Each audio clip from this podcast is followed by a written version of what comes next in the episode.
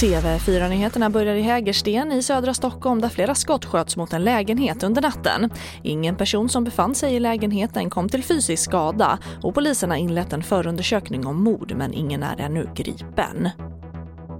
Och 75 000 färre operationer har gjorts i Sverige under coronapandemin jämfört med samma period i fjol. Och det har gjort att operationskön ökat ytterligare.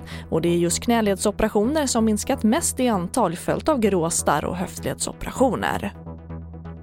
Och trots larm om coronavirusets snabba spridning i Europa rapporterar flygbolagen om fullsatta flygplan under höstlovsveckan till resmål som Kanarieöarna, Portugal och spanska solkusten.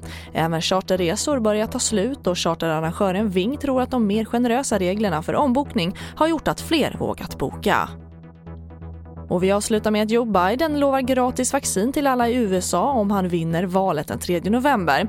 Det sa han i ett tal under fredagen och säger att när vi har ett säkert och effektivt vaccin så måste det vara gratis för alla oavsett om du är försäkrad eller inte. TV4-nyheterna, jag heter Charlotte Hemgren.